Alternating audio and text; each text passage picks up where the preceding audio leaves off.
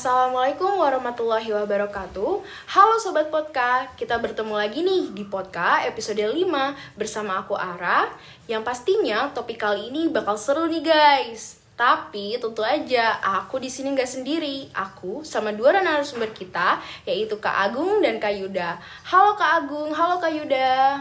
Halo. Halo Ara. Nah kak, ngomong-ngomong gimana nih kak pertama kali bisa kuliah offline selama bertahun-tahun ini kan kita harus lakukan interaksi dan pembelajaran secara daring. Mungkin tanggapan dari Kak Yuda dulu nih kak, gimana kak? Oke, tanggapan mengenai keberjalanan kuliah offline gitu. Karena di sini posisinya aku sudah memasuki semester 5 di mana dari awal aku sebagai mahasiswa itu berkuliah secara online gitu. Sebenarnya dari aku ada dua sisi sih sisi seneng sama sisi nggak senengnya gitu. Kalau sisi senengnya sudah otomatis kita sebagai mahasiswa bisa datang secara langsung ke kampus gitu. Dan bisa merasakan gimana sih jadi mahasiswa yang ke kampus gitu. Kita bisa mendengarkan materi dari dosen secara langsung kita bisa bertanya secara leluasa di kelas itu. Nggak hanya yang cuma mantengin laptop berjam-jam dan itu kurang dapat esensinya materinya pun kurang dapat dipahami gitu. Itu kalau dari aku gitu. Selain itu dari kita juga bisa bercengkrama dengan teman-teman saling bertukar pikiran dengan teman-teman main bareng dengan teman-teman gitu supaya nggak bosan gitu. Karena kita tahu fisika tiap hari makanannya rumus-rumus dan rumus. Kalau kita nggak kayak bisa memanage waktu ya akan bosen gitu. Dan kuliah offline ini sangat berguna bagi aku yang sering bosen. Karena di situ aku bisa main dengan teman-teman gitu. Bisa melampiaskan kebosanan aku bersama teman-teman aku gitu. Terus yang paling penting juga dari aku bisa nyobain secara langsung alat-alat laboratorium. Istilahnya alat-alat praktikum gitu. Di mana dua tahun ke belakang dari kita yang angkatan 2020 cuma ngeliatin videonya aja gitu tanpa megang alat-alatnya itu. Dan kita nggak tahu cara ngegunain alatnya tuh gimana cara mengoperasikan alatnya tuh gimana gitu. Dan itu sih yang paling aku bersyukur itu atas pelaksanaan kuliah offline gitu. Dari kita bisa langsung terjun secara langsung gitu nggak cuma yang teori aja tapi dari kita bisa langsung praktek secara nyata gitu. Terus selain itu juga ada lagi dari kita bisa langsung berkegiatan baik itu ormawa baik itu UKM dan lain sebagainya secara langsung gitu. Dan kita bisa berkontribusi ke masyarakat melalui program-program kerja yang uh, kita ikuti gitu. Jadi nggak cuma program kerja secara online tapi kita bisa terjun langsung. Dan itu sih esensi yang aku dapetin yang aku syukurin selama keberjalanan kuliah offline ini gitu. Terus yang nggak senengnya ya karena kita udah nggak bisa merasakan fleksibel lagi gitu loh. Kalau yang dulu online kalau kita misal mau pergi ke mana-mana misal mau ke rumah sakit gitu kita bisa tuh bawa laptop kita berkuliah di rumah sakit gitu kan hanya dengan tatap muka. Itu sih mungkin itu sih yang nggak senengnya gitu. Kayak kayak waktu fleksibel kita berkurang aja gitu. Tapi overall aku excited banget dengan kegiatan kuliah offline ini karena dari aku dan Dungu-Dungu dua tahun lamanya dan alhamdulillahnya sudah terlaksana di tahun ini gitu sih kalau dari aku Ara. Oke kak Yuda, makasih banget nih kak tanggapannya. Mungkin dari kak Agung gimana nih kak tanggapan dari kak Agung? Oke Ra, kalau dari aku sendiri tentunya aku excited ya untuk mengikuti perkuliahan offline ini gitu karena uh, dari awal aku kan udah masuk secara online gitu dan ini baru first time aku juga untuk kuliah secara offline gitu. Jadi uh, aku juga udah nunggu juga nih untuk bisa kuliah offline dari mungkin bisa lebih paham dengan materinya terus juga bisa interaksi dengan teman-temannya gitu. Karena kalau online pun juga kita di kamar terus juga cuma uh, lewat meet doang gitu. Kalau sekarang kan kita bisa interaksi langsung bisa main apalagi setelah kuliah setelah uh, capek nih uh, mahamin materinya kita bisa langsung jalan-jalan bareng gitu dengan teman-teman yang lainnya. Oke Kak Agung, nah ngomong-ngomong nih Kak, aku mau ngomongin soal maba nih Kak. Nah menurut mungkin pendapatnya Kak Yuda nih, soal mahasiswa baru itu gimana sih Kak? Oke, bicara tentang maba, mungkin selamat ya kepada teman-teman dan adik-adik semua yang telah berjuang hingga saat ini, hingga detik ini, dan sampai akhirnya itu perjuangan itu berbuah manis karena kalian berhasil menjadi salah satu bagian dari perguruan tinggi yang kalian inginkan, terutama Universitas Diponegoro tercinta itu. Nah, selamat datang juga mahasiswa baru angkatan 2022, angkatan perdana yang berkesempatan memulai pembelajaran secara luring dari awal setelah dua tahun belakangan ini kita berjuang melawan pandemi secara bersama-sama. Nah, teman-teman mahasiswa baru, perjuangan yang sesungguhnya baru akan dimulai. Menjadi mahasiswa merupakan titik awal bagi kalian untuk mengasah mengasih dan mengasuh diri menjadi pribadi yang semakin berintelektual, berkualitas, dan bijaksana.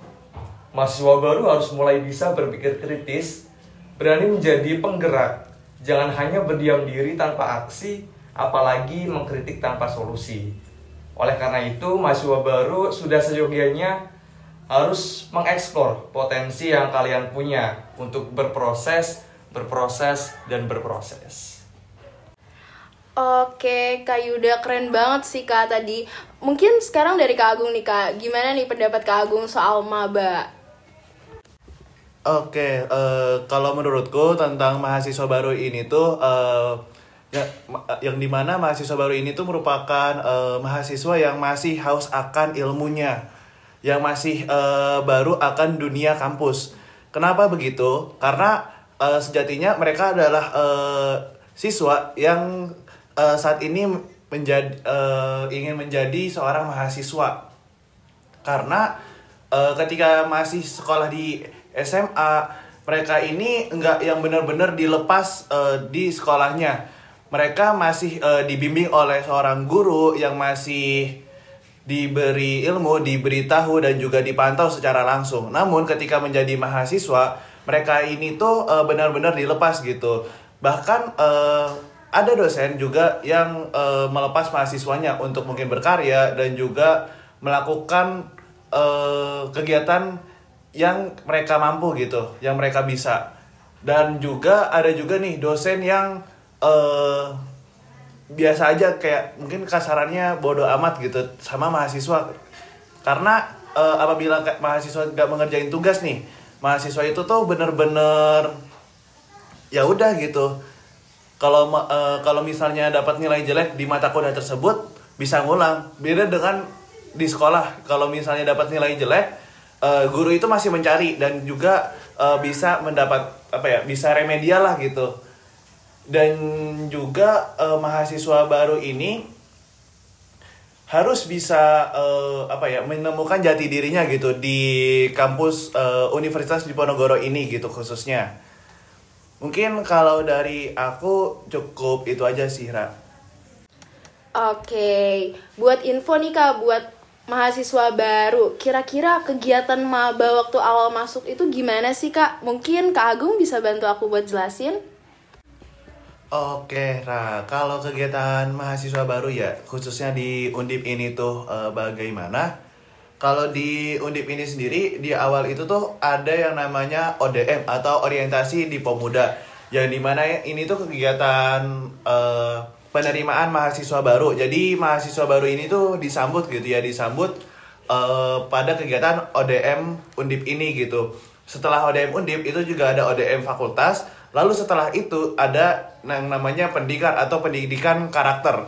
Yang di mana eh, output dari pendidikan ini eh, teman-teman mahasiswa baru itu bisa eh, mengetahui apa saja nilai-nilai yang diinginkan oleh eh, Undip ini gitu se- sebagai eh, mahasiswa Undip itu sendiri. Lalu setelah eh, ikut pendikar itu juga ada kegiatan yang lainnya nih seperti LKMMPD atau eh, latihan keterampilan manajemen mahasiswa tingkat pradasar.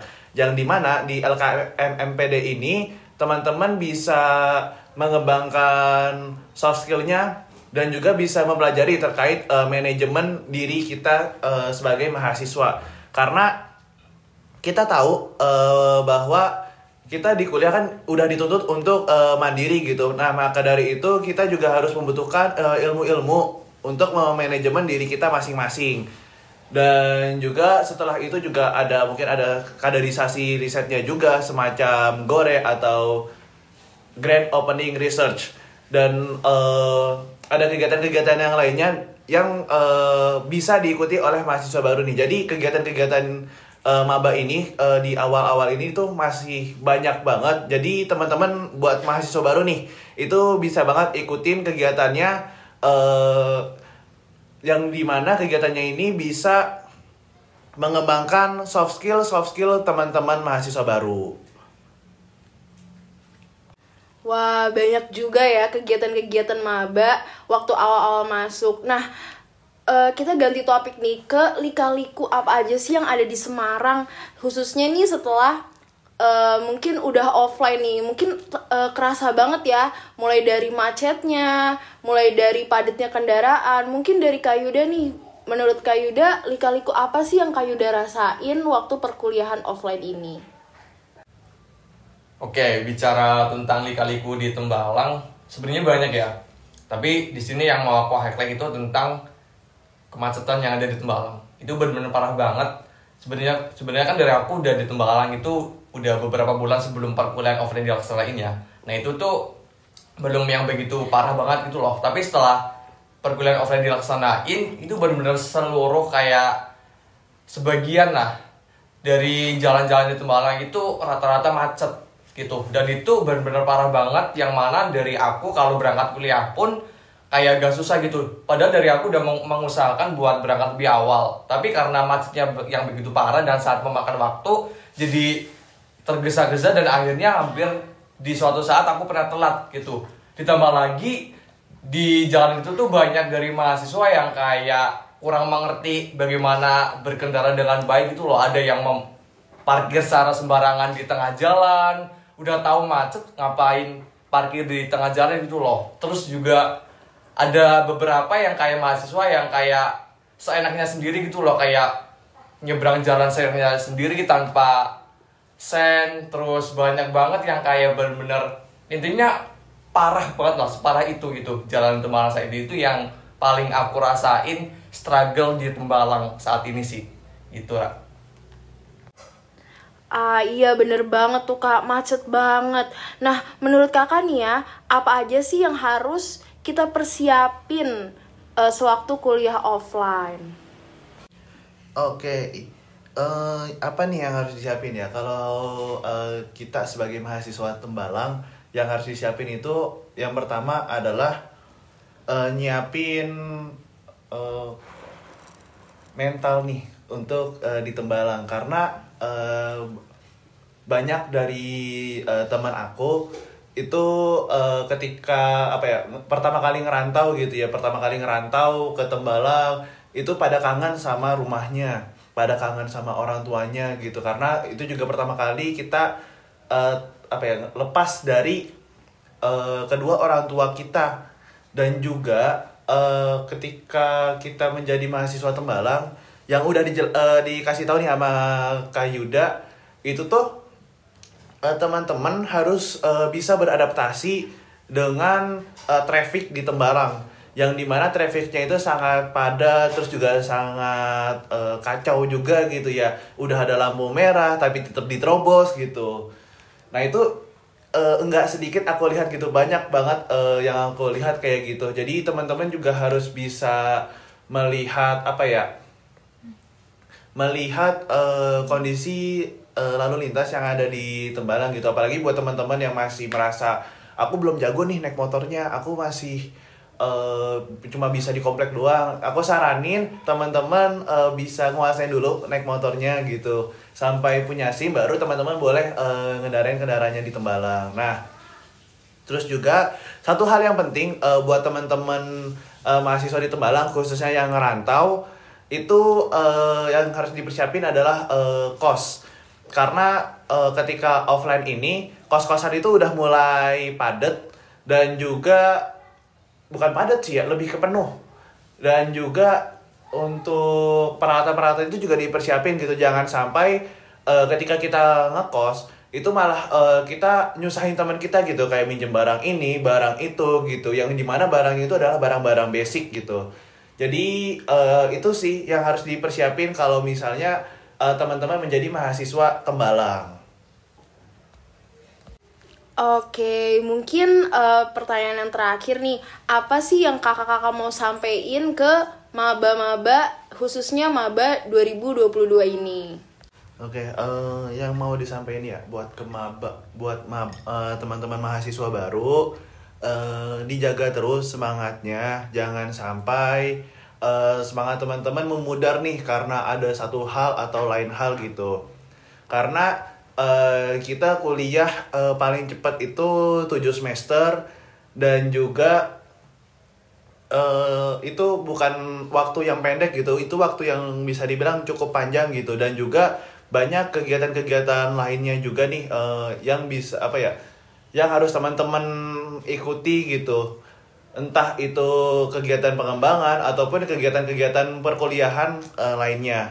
Nah terus juga eh, buat teman-teman mahasiswa baru sebenarnya enggak mahasiswa baru aja buat mahasiswa lama pun juga eh, apa ya jangan lupa untuk apa ya berhemat. Karena eh, kita kan udah lepas nih dari orang tua jadi kita juga harus menghemat eh, pengeluaran eh, dan apa uang kita gitu agar tidak terasa boros gitu. Karena kita tahu di Tembalang itu harganya murah-murah gitu tapi eh, terkadang kita juga ngerasa apa ya kalap dengan kemurahan yang ada di Tembalang ini terus juga eh, buat teman-teman yang suka hobinya jalan-jalan gitu. Nah, itu juga eh, dikurangin atau enggak eh, naik kendaraan umum nih karena kita tahu bensin juga harganya naik kan gitu dan itu juga harganya bukan harga yang murah. Jadi eh, itu juga lumayan banget buat nge-save eh, pengeluaran kita. Nah, terus juga eh, buat adik-adik mahasiswa baru juga nih. Aku mohon eh, teman-teman bisa mengembangkan eh, minat bakat teman-teman semua, nggak hanya nggak hanya di eh, undip aja, nggak hanya di dunia kampus aja, tapi juga bisa di dunia luar gitu. Mungkin teman-teman bisa magang ataupun juga bisa mengikuti kegiatan merdeka belajar juga, karena eh, hal itu nantinya juga sangat penting gitu untuk eh, masuk ke dunia pekerjaan.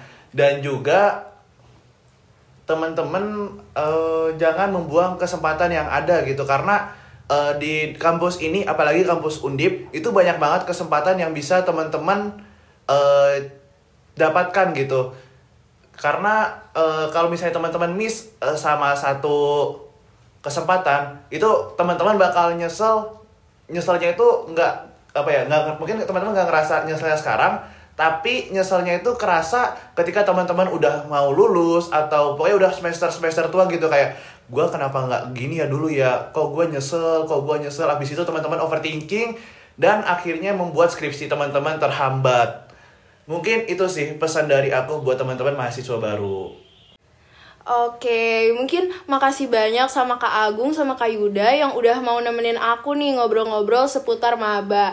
Mungkin eh, penutup dari aku semangat terus buat teman-teman mahasiswa baru. Semangat, semoga cepat beradaptasi baik itu beradaptasi lingkungan di kampus maupun di lalu lintasnya. Semangat terus buat teman-teman dan sampai jumpa di podcast episode berikutnya. Wassalamualaikum warahmatullahi wabarakatuh.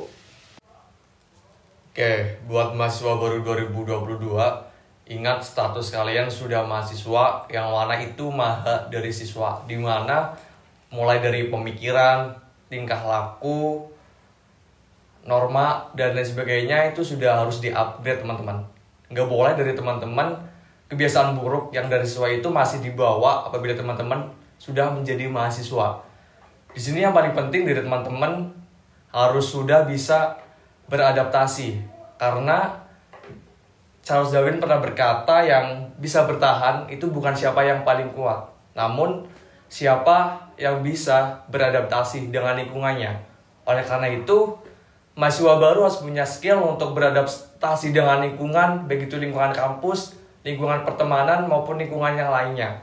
Gitu. Dan perlu diingat, di sini mahasiswa baru sesuai esensinya bahwa dari teman-teman harus bisa menyerap ilmu sebanyak-banyaknya. Di mana ilmu itu kalian kembangkan, kalian gunakan di dalam perkuliahan di dalam masa perkuliahan dan nantinya diharapkan setelah kalian bisa lulus dari bangku kuliahan ilmu yang kalian dapatkan bisa kalian terapkan di kehidupan sehari-hari mungkin dulu dalam pekerjaan ataupun di dalam lingkungan sosial itu. Dan di sini yang perlu dicatat mahasiswa itu harus bisa menjadi pelopor pergerakan gitu teman-teman. Di mana di sini teman-teman sudah mempunyai tanggung jawab tersendiri baik bagi diri sendiri keluarga bahkan dari teman-teman juga menjadi tanggung mempunyai tanggung jawab kepada negara itu teman-teman jadi di sini teman-teman harus bisa meninggalkan kegiatan-kegiatan yang mungkin kurang bermanfaat. Gantilah kegiatan-kegiatan tersebut menjadi kegiatan yang mungkin banyak esensinya, banyak memberikan manfaat seperti ya kegiatan berorganisasi mungkin di kampus Undip atau yang lainnya karena di sini kampus terutama Undip itu banyak menyediakan wadah-wadah yang sangat bermanfaat, sangat berguna untuk pengembangan soft skill maupun hard skill dari seorang mahasiswa. Oleh karena itu, jangan sia-siakan kesempatan kalian sebagai mahasiswa hanya karena dari teman-teman gak melakukan kegiatan yang bermanfaat. Itu sangat sia-sia, teman-teman. Jadi, pesan aku dari teman-teman gunakanlah privilege yang sudah teman-teman pegang, yang sudah teman-teman dapatkan, gunakanlah itu dengan sebaik mungkin raihlah ilmu sebanyak-banyaknya agar dari teman-teman bisa mengambil esensi dari teman-teman bisa berkuliah gitu. Jadi nantinya juga dapat uh, memberi manfaat bagi lingkungan sekitar dan juga bagi negara khususnya gitu teman-teman. Jadi di sini teman-teman harus sudah bisa mulai beradaptasi dengan segala-galanya. Mungkin itu dulu dari aku, para. Terima kasih.